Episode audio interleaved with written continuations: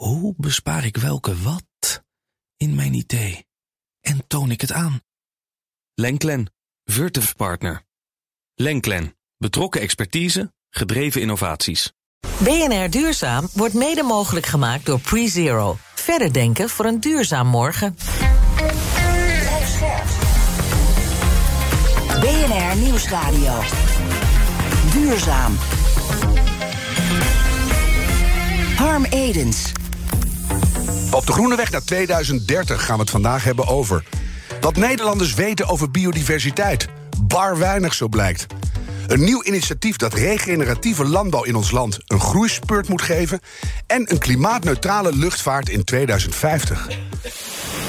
Op de vergadering van de Internationale Burgerluchtvaartorganisatie, de ICAO, in het Canadese Montreal, hebben de ministers van Transport de doelstelling goedgekeurd dat de luchtvaart in 2050 klimaatneutraal moet zijn.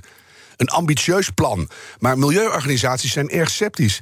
Er zijn namelijk helemaal geen ondersteunende maatregelen getroffen en geen tussentijdse doelen aangenomen. Er is op dit moment geen haalbare technologie om de uitstoot van vliegtuigen naar nul te krijgen. En minder vliegen is voor de luchtvaartmaatschappijen en de lidstaten van de ICAO geen optie. De belangrijkste technologische oplossing van de vliegindustrie is het gebruik van duurzame vliegtuigbrandstoffen. Dat zijn brandstoffen uit plantaardig materiaal, waarover wij in de lente al een aflevering maakten. Maar de teelt van gewassen voor energie heeft flinke nadelen voor het klimaat. Bovendien kan die teelt niet aan de schaal voldoen die nodig is voor de verwachte toekomstige vraag. Schone waterstof is misschien een idee, maar dat gaat nog heel erg lang duren. Dus toch eerst maar flink minder vliegen met z'n allen. Ik ben Harm Edens, dit is BNR Duurzaam... en ons groene geweten is deze keer Muriel Arts van Impacting Today. Muriel, jij wil beginnen met een onderzoek over het verlies van biodiversiteit in Nederland. En daar lijkt eigenlijk nog heel erg weinig bewustzijn over te zijn. Ja, dat klopt, Harm. Ik las dat onderzoek, heel leuk onderzoek. De Nationale Denktank, dat zijn twintig jongeren die net afgestudeerd zijn. En die pakken dan een stevig thema beet. In dit geval stimuleren van biodiversiteit. En er komen een paar opvallende uitkomsten uit. De helft van Nederland weet niet wat biodiversiteit is. Mm Eén op de drie mensen uh, weet niet dat het slecht gaat met de biodiversiteit in ons land. En ook toch wel een beetje schokkend. 15% vertrouwt maar dat de informatie over biodiversiteit van de overheid klopt. Mhm. En Harm, Ja. ze vertrouwen maar 12% van de informatie van de journalisten. Oh. Dus Ja, nou is toch 12 procent. Het is een begin. Eh, Het zijn schokkende eh, feiten die je even opnoemt. Hoe komt dat? Kijken mensen weg? Willen ze het niet weten? Nou, ik denk dat Wouter daar straks ook wel een beetje op ingaat. Het is natuurlijk best een ingewikkeld begrip. Hè, biologische diversiteit, wat bedoelen we daar nou eigenlijk mee? Dat is een groot ding. Ja. Ehm, er zijn een aantal dingen. Het eerste is eigenlijk een hele scheve kosten- en batenverdeling. dus een boer die investeert in biologische landbouw... die krijgt niet zomaar de baten terug. Misschien wel de verzekeraar die gezonde mensen heeft. Ja. Dus dat is, eh, dat is lastig. Aha.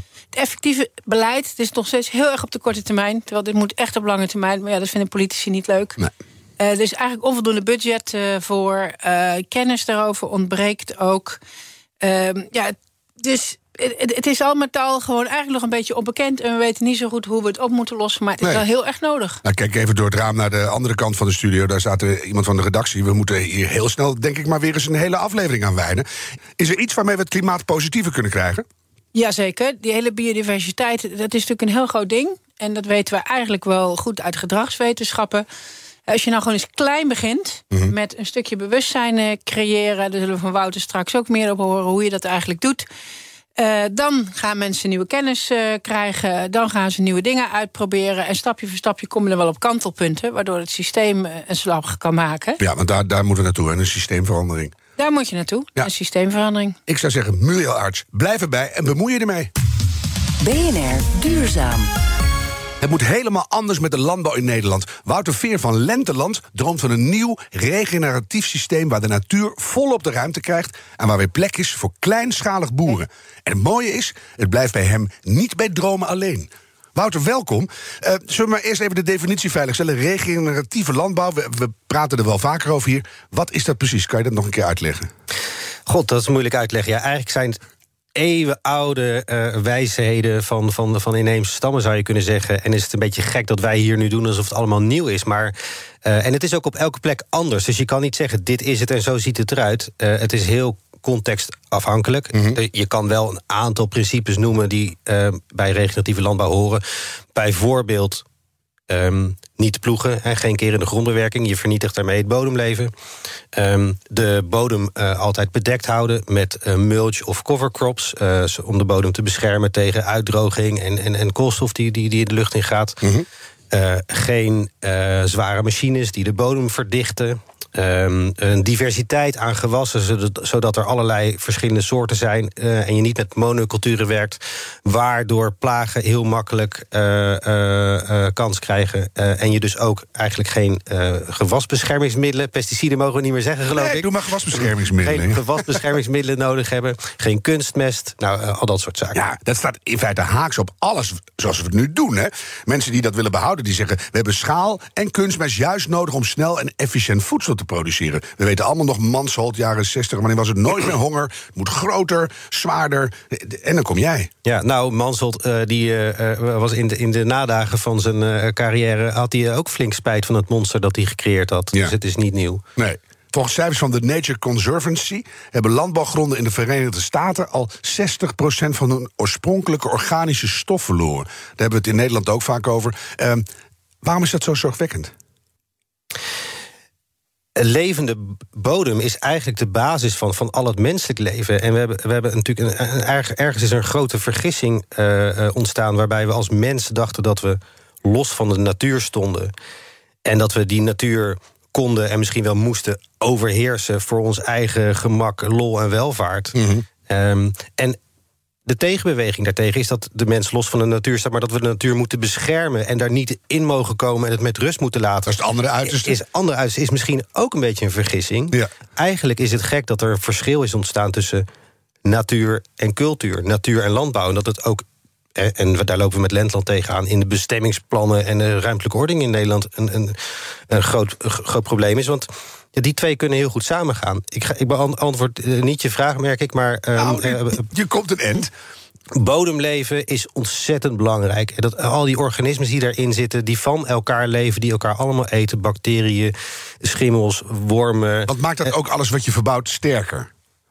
Ja, en, en, en smaakvoller en voedzamer en, en, en, en gezonder en minder eh, eh, vatbaar voor plagen. En de gevolgen van het feit dat we dat niet doen, die, die industrialisering van de landbouw, die zien we overal om ons heen. In één generatie is bijna drie kwart van de insecten verdwenen. En allerlei plantensoorten zitten ook in het nauw. Alle alarmbellen gaan af. Ja. Oh, dat is een heel Ja. kort antwoord, Muriel. Ja. Goed, hè? Gewoon ja. Ja. Zoals eh, eh, eh, eh, mijn vriend en eh, eh, eh, een vriend van mij en voorzitter van, van, van Stichting Lentland, Dirk Loorbach, hoogleraar transitiekunde, heel mooi ook zegt in de documentaire die we gemaakt hebben. De natuur begint terug te praten. Ja, Ja. maar wel met hele nare geluiden. Hoe, hoe hoor jij het verhaal aan, Muriel? Nou, heel herkenbaar natuurlijk. Weet je, ik zat er toen we startten met biodiversiteit, dacht ik, is toch ook interessant. Er staan allemaal feiten over planten, dieren, micro-organismen. Mensen, mensen zijn ook een deel van biodiversiteit. Dus ik ben het helemaal met Wouter eens. Als je jezelf natuurlijk gaat zien als een onderdeel van. Ja, dan wil iedereen gezond voedsel, eh, wat biologisch is, wat goed geteeld is. Ja, maar in Eh, het kader van de hele stikstofdiscussie... die we nu vandaag niet helemaal gaan voeren... maar dan blijft het maar een soort inwisselbaarheid. Hè? Nou, een beetje minder stikstof of het valt allemaal nog wel mee. Terwijl de, de feiten, die liegen er niet om. Nou, Wouter, hoe, hoe zie jij dat? Als jij jouw gewassen kweekt, eh, let je daar dan op? Stikstof, CO2, allemaal dat soort dingen. Zijn dat uitgangspunten voor je? Of kijk je anders? Nou, een beetje lastig. Ik, vind- ik vind dat dat eigenlijk allemaal. Kijk, eh, het hele systeem is zo complex. eh, eh, en we willen dat allemaal nu maar van één kant wordt het belicht. En als we dat dan oplossen, dan zijn we klaar. Net als de hele, zeg maar. Al- Stel, wij vinden een magische manier om alle CO2 in de wereld weer onder kritieke grenzen te krijgen. Zijn we er dan? Nee, dan zijn we er nog lang niet. Dan, dan leven we dan- niet per se in een wereld waar we in willen leven. Hetzelfde met stikstof. Ja, maar het moet wel gebeuren. J- jullie hebben nu Lenteland. Hè. Op twee plekken heb je regeneratieve boerderijen. Eén in het Vlaamse Laakdal en één vlak bij mij in Zutphen... in het Gelderse dorpje Empen. Ehm, als ik daar, daar langs fiets, wat, wat zie ik dan?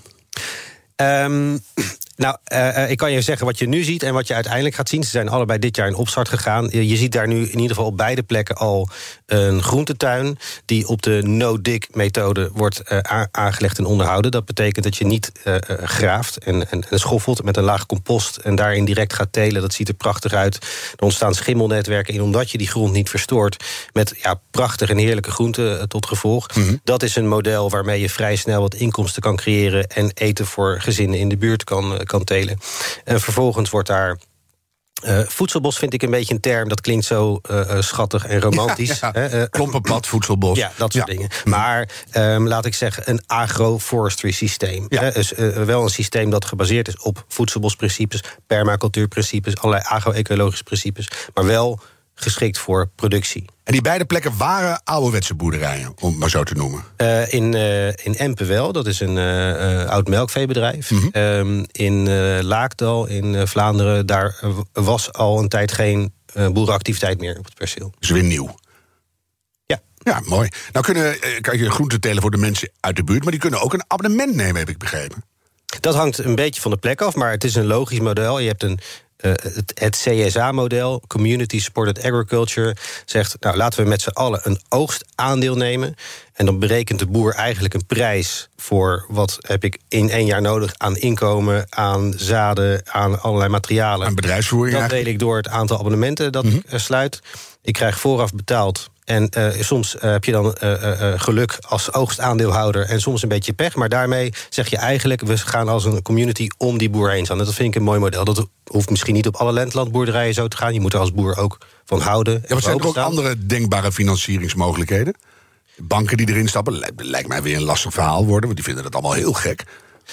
Um, nou, dit gaat dan over financiering van die groente zelf, de financiering van de boerderij. Mm -hmm. Daar hebben we een model voor. We hebben die, de Stichting Lensland die financiert dat eigenlijk voor. We kunnen zelf vier boerderijen voor financieren. En in Empen zijn we nu gestart met de eerste crowdfund-campagne... waarmee Aha. eigenlijk iedereen mede-eigenaar van dat bedrijf kan worden. En lukt dat?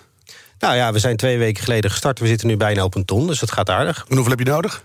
Nou, in de, uh, uh, in de komende drie jaar hebben we daar wel 2,5 miljoen voor nodig. Maar dat komt ook omdat we de grond en de gebouwen ook kopen. Ja. He, dus als je alleen de boerderij koopt... en je wil daar een paar jaar voor financieren... en wat uh, machines en planten zaaigoed... dan ben je met een paar ton wel klaar. Ja, en dan kan je langzaam doorgroeien tot je alles ja. hebt. En dan, dan is het van ons. Ja. Mooi. BNR Nieuwsradio. Duurzaam. Harm Edens. Weg met kunstmest, stoppen met pesticiden, ik zeg het nog maar, gewasbeschermingsmiddelen. Bij regeneratieve landbouw gaat de voedselproductie met de natuur hand in hand. Wouter Veer wil met Lenteland de landbouwtransitie versnellen. Ons groene geweten is Muriel Arts van Impacting Today. Um, Wouter, even voor de duidelijkheid. Lenteland is dus niet een schattig initiatiefje... wat je nog een paar keer gaat herhalen. Je wil echt het systeem hiermee veranderen. Ja, dat is een uh, moeilijke vraag. Kijk, dat systeem veranderen, als je mij vraagt hoe dat moet, ik heb geen idee. Het is zo complex. Mm. Uh, um, ik wil in ieder geval een start maken met nieuwe kleine systeempjes, hoe ze volgens mij wel moeten werken. Mini-samenleving, hoe ze wel fijn werken. En ik hoop natuurlijk dat dat er heel erg veel worden. Ja. Want uh, dromers, uh, eerst maar even hoe, hoe, de omgeving op jou reageert. Uh, andere boeren, hoe kijken die naar jullie? Is dat van, nou, interessant? want ik las dit weekend een stuk in het AD. Een meerderheid van de Nederlandse boeren vinden dat zij geen negatieve invloed op de natuur hebben. En ook niet op milieu en ook niet op klimaat. En dan denk ik.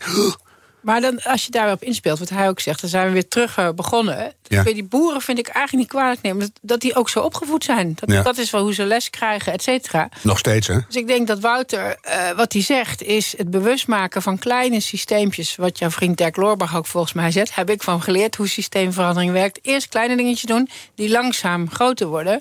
Maar die boeren helpen met nieuwe kennis. Is dat ook iets wat jullie doen? Nee. Nee?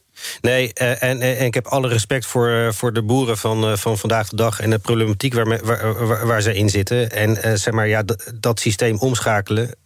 Ontzettend ingewikkeld. En wij pretenderen daar ook niet een oplossing voor te hebben. Maar zou kunnen toch? Dat als jullie een, een heel goed werkend model blijken te hebben... en dat is op een aantal plekken Het zou wel kunnen dat ons model blijkt te kunnen werken... voor, uh, uh, zeg maar, dat er duizenden uh, kleinschalige boerderijen komen. Ja. Volgens het Lenteland-model. Herenboeren is ook een ander model dat daar een beetje, een beetje op lijkt. Precies. Allerlei andere soorten kleinschalige modellen. -huh. Maar dat zijn dan, worden dan wel, denk ik andere mensen die zo'n boerderij willen runnen. Dat is niet iemand die op uh, 100 hectare met een grote machine... Uh, een paar keer per dag over zijn land rijdt... om, om, om, om iets uh, met, met, met, met machines te doen. Nee, maar ook niet als die gaat zien dat het, dat systeem een beetje aan het aflopen is. Dat je, dat je allerlei wetgeving krijgt en milieumaatregelen... waardoor op die manier boeren bijna niet meer houdbaar ja, blijft. Misschien wel, maar ik denk deze manier van boeren is wel arbeidsintensiever... Eh, eh, omdat je eh, ja, dus eigenlijk een stukje minder grootschalig werkt. Maar er zijn ook boeren die regeneratief boeren die het wel grootschalig doen. zeggen, het zou moeten kunnen met crop-picking robots. En als je daarop investeert, niet die zware dingen, maar ve- veel lichtvoetiger en dan toch groot.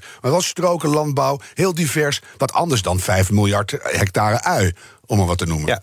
Nou ja, dat zou goed kunnen. Ik denk dat we bij Lentland eh, gaat, gaat het ons niet alleen om dat regeneratief boeren. Het gaat ook om her- herstellen van gemeenschappen.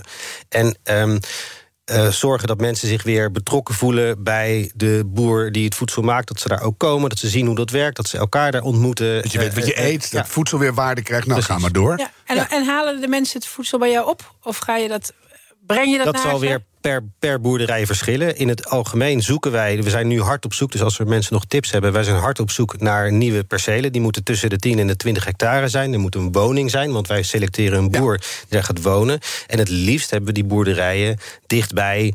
laten we zeggen, binnen 10 kilometer van voldoende huishoudens. Laten we zeggen, minstens 25.000 mensen binnen 10 kilometer. Daar zoeken we een beetje op. Nou, dat is bijna overal in Nederland. Ik wil toch iets namens alle critici in Nederland voor je voeten gooien, Wouter. Want die zeggen, we kunnen eigenlijk helemaal niet zonder kunstmest. Het is leuk wat jullie bij elkaar borduren daar op die gezellige, schattige perceeltjes. Maar dat is niet genoeg om die hele wereld mee te voeden.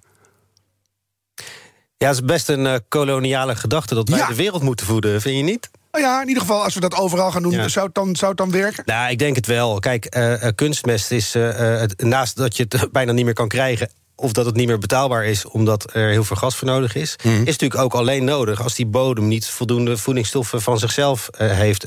als die is uitgeput. Ja, maar als je het oude systeem, hè? Het, een, Ja. ander, een ander blindspot vind ik altijd. We, we zeggen dat we zoveel voedsel produceren. Maar volgens mij vernietigen we veel voedsel. Want heel veel calorieën komen Nederland in. En heel weinig gaan eruit. Ja. En ondertussen blijft dat als eh, eh, rommel hi- hier over. Dus eigenlijk vernietigen we per saldo eh, calorieën. Ja, en, en we drukken ook de schade nog steeds door naar de toekomst. Dus als je nou jouw manier van boeren vergelijkt met een even groot ander traditioneel bedrijf. en je doet alle kosten in het sommetje, dus echt de true pricing. Kunnen we dan Nederland uiteindelijk op jouw manier beter voeden onder de streep. als je puur naar de financiën kijkt? Eh, ja, in de toekomst eh, eh, zeker. Want nou ja, je ziet nu dat er al hele gekke dingen in prijzen van, van, de- van de buitenwereld gaan gebeuren. Uiteindelijk, maar ik zeg altijd, vanaf de maan zie je geen geld, maar wel wat we doen en wat we niet doen. En wat wel volhoudbaar is en wat niet volhoudbaar is. Dus het argument voor grootschalige investeringen in een duurzame wereld... als iemand dan zegt, ja, maar dat kunnen we helemaal niet betalen... dat heb ik nooit begrepen. Uiteindelijk is een samenleving iets wat je met elkaar doet... en dat je, dat je met elkaar afrekent eh, in, een, in een bepaalde ehm, eh, eh, munteenheid. Dus eh, ik, ik, ik denk op de lange termijn is natuurlijk de enige manier om met z'n allen te blijven overleven, is goed voor die bodem te zorgen. En ja, wat het kost, doet het niet. Het kost zoveel uur. Het kost wat jij, hoe lang jij bezig bent met iets zaaien of iets plukken. Zeg maar dat is wat het kost. Ja, Ja. Dat moet, dus dus het gaat eigenlijk ook om tijd. Ja, zeker. En uiteindelijk wordt die andere manier onbetaalbaar, kan je bijna uitrekenen. Dus eh, dat kunnen we niet meer doen. Is, is al onbetaalbaar. Eigenlijk wel. Want als je kijkt dan wat hij doet, is het misschien 20% minder opbrengst in hoeveelheid, maar 60% minder opbreng- eh, impact op de aarde. Minder schade. Ja, minder schade. Dus dit, dit Dat sommetje is zegt. eigenlijk snel Alles gemaakt. is al aangemaakt. Ja. Ja. Nou, zoeken jullie, eh, Wouter, mensen om te investeren in die certificaten en andere zaken? Waar kunnen ze terecht? Lente.land. Zo simpel weer. Zo simpel is het. Of eh, de website van de boerderij in Empen, dat is ervekiekebos.nl. Oh ja, dat is ook een mooie. Dat is een mooie. En ga er ook even kieken, zou ik zeggen. Als je, precies. Bij als, je toch, als je toch door het bos lukt. Bij Jaap en Niels. Ja, mooi. hey, eh, compostlaag, wat is het lekkerste om naar te telen? Wat gaat het beste tot nu toe? Eh, nou, och, daar kan je echt de, de, eh, van alles. Er, er groeit zoveel eh, moois in. Maar dat zijn vooral de eenjarige gewassen. Uiteindelijk gaat het natuurlijk om dat je zo'n regeneratief bedrijf opbouwt op meerjarige gewassen. Op noten, fruit, noem maar op, Ja. bessen. Ja. Je eigenlijk je eigen circulaire systeem Ja, we moeten af van de eenjarige gewassen en alles maar elk jaar weer ploegen en dan weer volstrooien met, met korrels. Dat Moeten we niet meer doen. onhoudbaar. Wouter Veer van Lenteland, dankjewel. Heel veel succes met jullie missie. En ik kom binnenkort kieken. Muriel, wat, ga- wat ga je meenemen naar de avondtafel om door te vertellen? Nou, ik denk dat ik op zoek ga naar een stuk land van 10 tot 20 hectare en dan ga solliciteren. Dat lijkt me wel lastig. Ja, echt waar? Ben je een beetje ik een... wil eh, wel boerin worden. Ik lijkt me wel leuk. maar je hebt al werk, maar dat zou je serieus overwegen. Ja, serieus, zou ik echt overwegen. Leuk. Ja, volgens mij word je ook Welkom. heel, heel blij als je erin staat. En eh, wat ga ik meenemen? Nou, ik eh, ben vaak tussen de grote Friese boeren... die met de meest idioot grote machines over die dijken en akkers uh, denderen. En die daar allemaal helemaal vol van zijn. Dus je ziet bij al die individuele boeren ontzettend veel liefde voor datgene wat ze doen. Dus ik denk, als je die kan besmetten en, en laten zien waar het uiteindelijk naartoe moet, dat dat gewoon allemaal omgaat. Want aan die mensen ligt het niet. Het is het systeem.